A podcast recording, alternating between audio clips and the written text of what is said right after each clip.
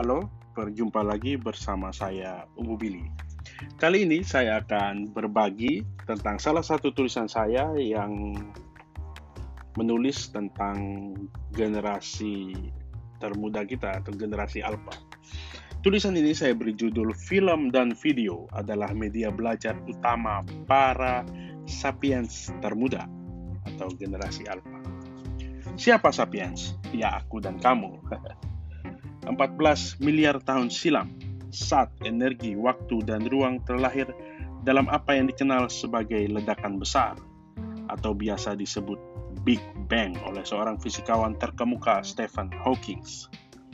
300 ribu tahun setelah muncul zat dan energi yang mulai bergabung menjadi struktur-struktur kompleks yang disebut atom, yang kemudian berkombinasi menjadi molekul-molekul Kisah atom, molekul, dan interaksinya disebut kimia.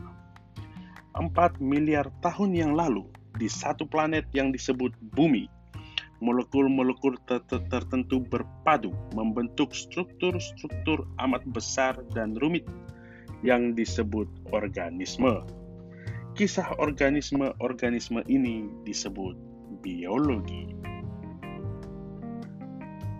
Tiga revolusi penting membentuk jalannya sejarah adalah revolusi kognitif mengawali sejarah sekitar 70.000 tahun silam. Revolusi pertanian mempercepat sejarah sekitar 12.000 tahun silam. Revolusi sains yang baru mulai berlangsung sejak 500 tahun silam.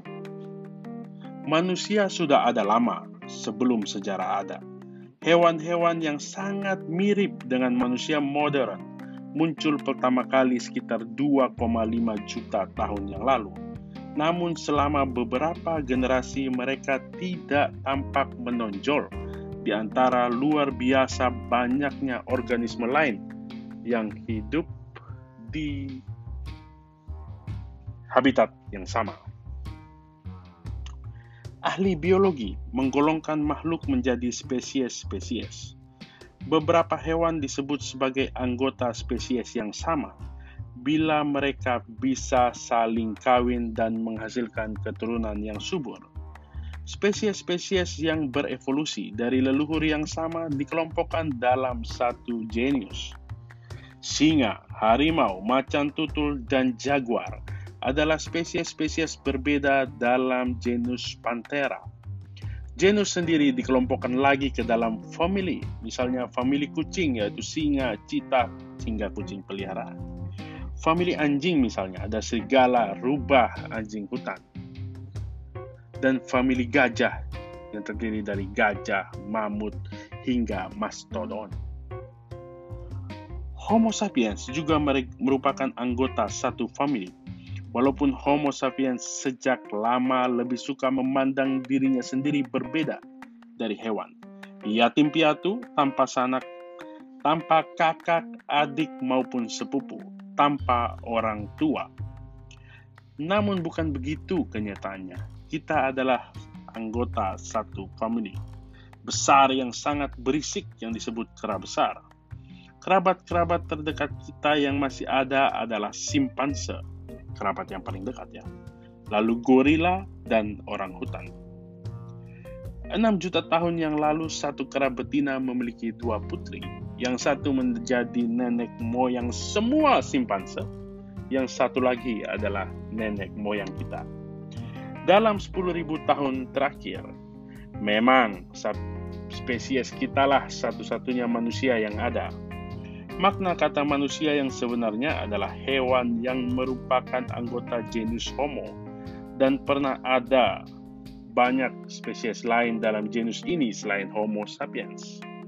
Selama 10.000 tahun belakangan, Homo sapiens telah terbiasa menjadi satu-satunya spesies manusia sehingga mungkin sulit bagi manusia untuk membayangkan kemungkinan yang lain terlepas dari sapiens bersalah atau tidak, tak lama setelah mereka tiba di lokasi baru, populasi spesies manusia lainnya punah.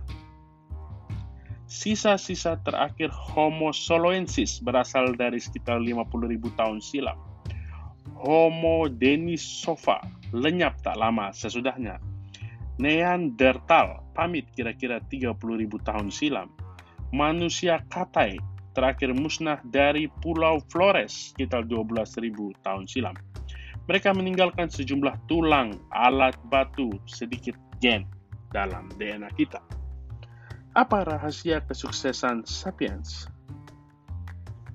Bagaimana kita, sapiens, berhasil bermukim dengan sedemikian cepat?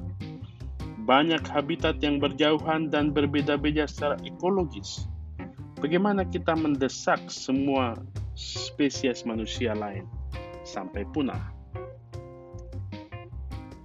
Melalui membaca hasil dan publikasi penelitian, generasi kita dan sebelum kita mengetahui banyak hal tentang planet ini, yang salah satunya tentang bagaimana kita, sapiens, yang telah menghuni Afrika Timur 150.000 tahun silam, kemudian bergerak dan mulai merambah ke bagian lain planet bumi, kemudian mendorong spesies manusia lain menuju kepunahan sekitar 70.000 tahun silam.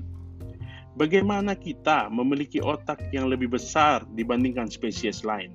Bagaimana sapiens memiliki keunggulan berkomunikasi atau bahasa yang unik dibandingkan jenis manusia lain yang menyebabkan Homo sapiens saat ini disebut manusia, makhluk yang menaklukkan dunia.